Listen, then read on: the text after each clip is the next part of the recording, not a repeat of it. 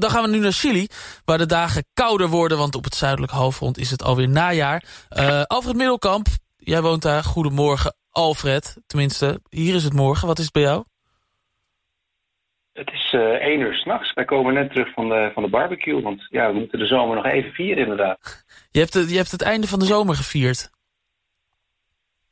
Ja, dat, dat zijn we nog druk aan het doen. We hebben gisteren gebarbecued. We hebben vandaag weer gebarbecued. Nou ja, we zullen wel zien wat het weekend brengt.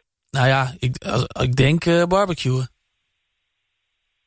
Het, het, het, zal alweer, ja. ja. We kunnen er nog een paar dagen van genieten. En zo'n beetje nou, in april dan, uh, dan begint de herfst hier. Hoe warm is het nu uh, bij jullie dan?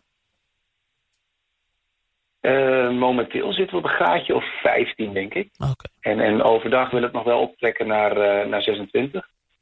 Maar in januari, februari is het volgens mij de hele dag niet onder de 26 geweest en ook s'nachts niet. Dus we beginnen nu wel een beetje te merken dat uh, de nachten wat kouder worden. En dan gaat het hier meestal vrij snel. Mm -hmm. Ja, oké. Okay, oké. Dus het begint uh, af te koelen, ook in, in Chili. we gaan het hebben, nou ja, we hebben elkaar vaker gesproken. Dan gaat het meestal over de katholieke kerk. Maar in, in dit geval ook weer, hè? Ja, ja ik, probeer dan vaak nog een beetje wat ander nieuws te zoeken. Maar ja, als, je, als jij me vraagt wat er in Chili aan de hand is... dan is het antwoord toch meestal dat het over de katholieke kerk gaat. En, en niet altijd in, in goede zin? Meestal niet in goede zin. En uh, ja, het, het, gaat natuurlijk over wat, uh, wat er op de hele wereld uh, met de katholieke kerk aan de hand is. Dus over priesters die niet van kinderen kunnen afblijven. En hier ook vooral over bisschoppen, dus de basis van die priesters uh, die dat soort problemen niet oplossen, maar dat uh, onder het tapijt schuiven. Mm -hmm. ja, en, en, we zijn nu toe aan aflevering, uh, wat zullen we zeggen, 37, ja. 44, ik weet het niet. Want de, de, de bisschoppen die, nou die, die zijn eigenlijk schuldig aan het onder het, onder het kleed vegen van, van de nou, daden van de priesters. Maar het, het gaat nu zelfs hoger op. Ja, we hebben het nu niet alleen over de bisschoppen, maar zelfs over de aartsbisschop. Dus dat is zeg maar de, de nationale baas voor de katholieke kerk. Mm -hmm. En in dit geval de, uh, de baas van, van het bisdom Santiago. Ja, en, en toch wel weer, net als je denkt dat het niet meer bizarder kan... dan is het toch weer een, een bizar verhaal. Um, want, want er zijn voldoende verhalen hier over uh, kinderen die dan als die daar uh, misbruikt zijn door een priester. Maar het gaat nu over een priester die een 40-jarige man uh, eerst gedrogeerd heeft en daarna verkracht heeft. En dat dan ook nog eens in de belangrijkste kathedraal in Chili. Dus niet op een soort anoniem achterafplekje, mm -hmm. maar in die kathedraal. Ja, en, en die man die heeft vervolgens, uh, toen dat gebeurd was... en, en nou, toen hij daar een realisatie van had van wat er met hem gebeurd was... Uh, is hij in de biecht gegaan. Nou, dat, dat doe je dan in die, in die grote kathedraal blijkbaar bij de aartsbisschop. En die heeft dat, uh, dat verteld, wat er met hem gebeurd is. En de aartsbisschop die zei dat hij maar vooral moest bidden voor die priester. Zodat, want die priester die, die had het blijkbaar moeilijk, anders zou hij het niet gedaan hebben. Die heeft hem 45 euro gegeven. En die heeft hem gevraagd om het daar verder maar niet meer over te hebben. 45 euro? Dus ja, ja, dat je denkt, nou ja, als je dan iemand wil omkopen... Ja, doe dan je best. Dan kan het wel wat beter. Ja, dus het is een bizar verhaal. Ja. Uh, dit is natuurlijk een verhaal van één kant. Nou ja, uh, hier zit de, uh, de wereldlijke overheid, dus de, de politie, die zit ook wel bovenop dit soort cases. En die hebben de, de beste man dus gevraagd om, uh, om even naar het af te leggen. En die aartsbisschop die, uh, die beroept zich op zijn, uh, zijn zwijgerecht. Dus die wilde helemaal niets over zeggen. Nou ja, daar wordt het natuurlijk nog een stuk verdachter van. Mm -hmm. en, en de beste man is nu dus door, uh, door de paus uit, zijn, uit zijn plichten verheven. Om het Ja. maar even netjes te zeggen. Ja. Ja, en, en vervangen door, door de volgende aartsbisschop. dus de interim aartsbisschop, Aos Braco heet de beste man. Die is nu aangesteld. Ja, en, en binnen een dag hebben we over hem ook alweer allerlei berichten... dat hij ook allerlei zaken onder het tapijt zou hebben geveegd. Dus ja, dit, dit, dit is echt een verhaal zonder eind, joh. En betekenen al deze ontwikkelingen nou ook dat, dat de mensen in Chili... ja, minder gelovig worden of minder met de kerk hebben... of, of zoiets hebben van, nou ja, hier wil ik eigenlijk niks meer mee te maken hebben? ja, dit, dit, dit is echt voor, voor, iedereen. Iedereen voelt zich hier ontzettend beschaamd bij. Mhm. dat, dat begint natuurlijk al met de mensen die sowieso al een beetje op het randje stonden van nou, ga ik wel of ga ik niet naar de kerk? Die gebruiken dit natuurlijk als, als de aanleiding om te zeggen van nou ja, daar ga ik niet mee heen. Ja. Je merkt wel dat mensen die nog steeds erg gelovig zijn, ook wel zeggen van ja, dit, dit, dit moet ophouden, hier moet iets aan veranderen. En het bijzondere is wel dat uh, vorige week zondag ook um, allerlei priesters in kerkdiensten zijn gestart met het voorlezen van een brief die ondertekend is door 70 priesters.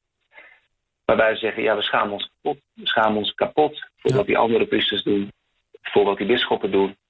En we willen dat al die misdragingen uh, zo streng mogelijk gestraft worden. Nou, dat, dat, is echt wel een breuk met het verleden waarin alle, uh, ja, uh, iedereen in de katholieke kerk toch, toch nou, nog wel redelijk in de pas blijft. Iedereen is er gewoon hartstikke klaar mee. Ja. Nou ja, goed. De, de katholieke kerk, wij zijn er nu ook uh, uh, klaar mee... want we gaan het hebben over Venezuela. Daar gaat het niet goed, dat is bekend. Um, er is bijvoorbeeld al dagenlang een stroomstoring in het hele land, volgens mij. Um, nu nu heeft dat ook gevolgen voor ja, de andere Zuid-Amerikaanse landen. Hoe zit dat precies, Alfred? Ja, nou ja, we hoorden net iets over de brexit. Hè? Dat gaat natuurlijk over één land... Dat, wat zich van een, van een groep landen wil afscheiden. Ja. En ja, hier heb je eigenlijk het omgekeerde. We, hebben hier een groep Zuid-Amerikaanse landen. En Venezuela was een van de, van de stichtende landen van die, van die Unie. UNASUR heette dat. Mm Ja, en, en eigenlijk heeft, heeft iedereen in Zuid-Amerika een beetje tabak van wat, uh, wat er nu in, in Venezuela gebeurt. En eigenlijk heeft uh, de rest van Zuid-Amerika gezegd van nou ja, we beginnen wel een nieuw groepje. Maar dan zonder Venezuela.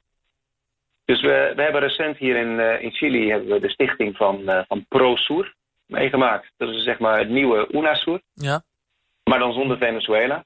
En ja, Bolivia is, is, is nog steeds een goede bondgenoot van Venezuela, dus die doen ook niet mee. En Uruguay denkt er nog even over na. Maar de rest zit allemaal gewoon in het nieuwe groepje. Nou hadden we dit in, in Europa natuurlijk ook ja, een beetje aan de hand met uh, uh, Griekenland. Toen het daar uh, heel slecht ging, waren er ook voorstellen van...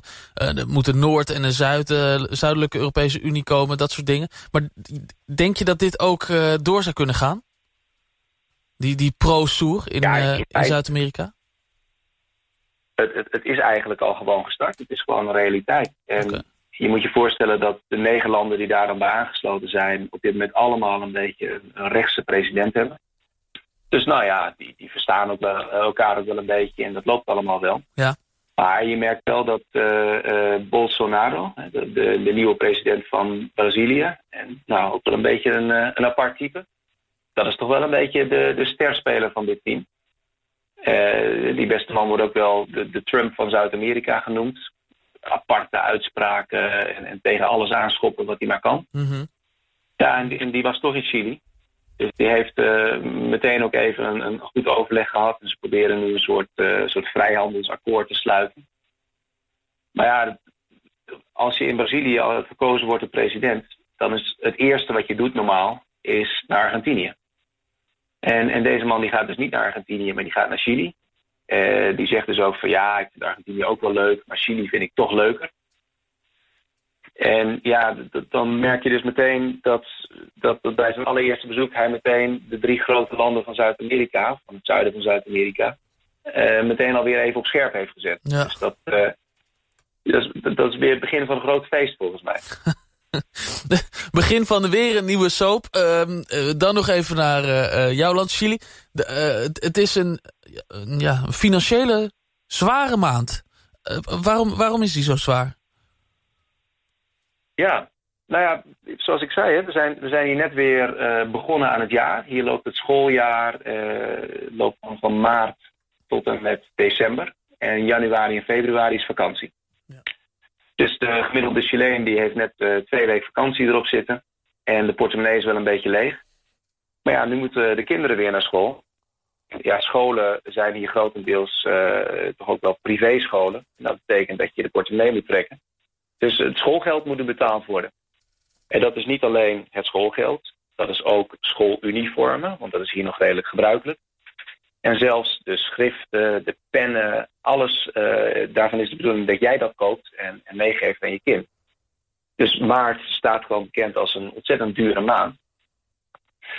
En uh, ja, dan is je portemonnee al leeg van vakantie, dan, heb je je schoolkosten betaald. Dan heb je ook nog zoiets als wegenbelasting. En de wegenbelasting is hier iets wat je, wat je één keer per jaar betaalt, ook in maart. Maar dat is ook een beetje het moment waarop elke auto-eigenaar uh, een keer met, uh, met zijn water voor de dokter moet komen. Dus die gaat hier naar de gemeente toe. En die moet dan laten zien dat de auto zijn APK heeft. Die moet dan laten zien dat er geen boetes nog openstaan. En dan mag je de wegenbelasting betalen. Nou ja, als je het allemaal op orde hebt, is dat nog niet zo heel erg. Maar als je dus nog wat boetes hebt openstaan... en als je de APK, nou ja, even uh, per ongeluk of expres vergeten was... ja, dan kan het nog wel eens stevig in de papieren gaan lopen. Ja. Dus dan heb je, dan heb je daar nog een keer uh, drie dubbel kosten van. Ja, en het gekke is een beetje, je mag hier uh, je, je wegenbelasting moet je betalen aan de gemeente. Maar het hoeft niet per se de gemeente te zijn waar je woont. Dus als jij dat toevallig in een andere gemeente bent op dat moment, dan kan het daar ook. Nou ja, en er is best wel een verschil tussen arm en rijk. Dus, dus je merkt wel dat een boel mensen uit rijkere gemeentes zeggen... Van, oh, ik, ik, kan ook best even naar een armere gemeente rijden... en daar dan de wegenbelasting betalen. Maar in het algemeen zie je dus ook dat dit een soort uh, ja, beauty contest wordt. Dat, dat alle gemeenten uh, in jouw regio op dit moment hard aan het spreiden zijn... om, om jou binnen te halen als betalende klant. dus je kunt dat uh, langs de weg doen, bij een kraampje, op internet... Nou, in het midden van de nacht, je kunt het zo gek niet bedenken of ze hebben een manier een sticker bij. om hun gemeente toch ja, zo aantrekkelijk mogelijk te maken. Ja. ja. En, ja, en, en, en dat speelt nu. Ja. Dus we worden nu allemaal verleid door onze gemeente. En straks is maart voorbij, dan moet iedereen het geregeld hebben.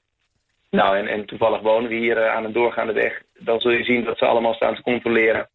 Worden alle auto's van de weg gehaald en beginnen de boetes te komen. Want ja, dan, dan is de gemeente ineens niet meer zo vriendelijk. Ja. Nou, in ieder geval een financieel zware maand. De restaurants in, in Chili zullen iets leger zitten dan normaal, denk ik.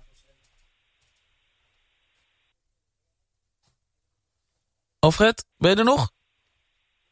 Ik hoor jou met horten en stoten. Oh, dan, dan maken we er een einde aan. Maar nu weer goed. Ah, Alfred, ik zei de, de restaurants zullen iets uh, minder druk zijn dan normaal in Chili. Um, door, uh, door alle financiële uh, de, ja, zaken die op de schouders komen nu deze maand. Dank Alfred dat je nou ja, midden in de nacht ook daar met ons even wilde bellen. En, en tot snel. Tot snel.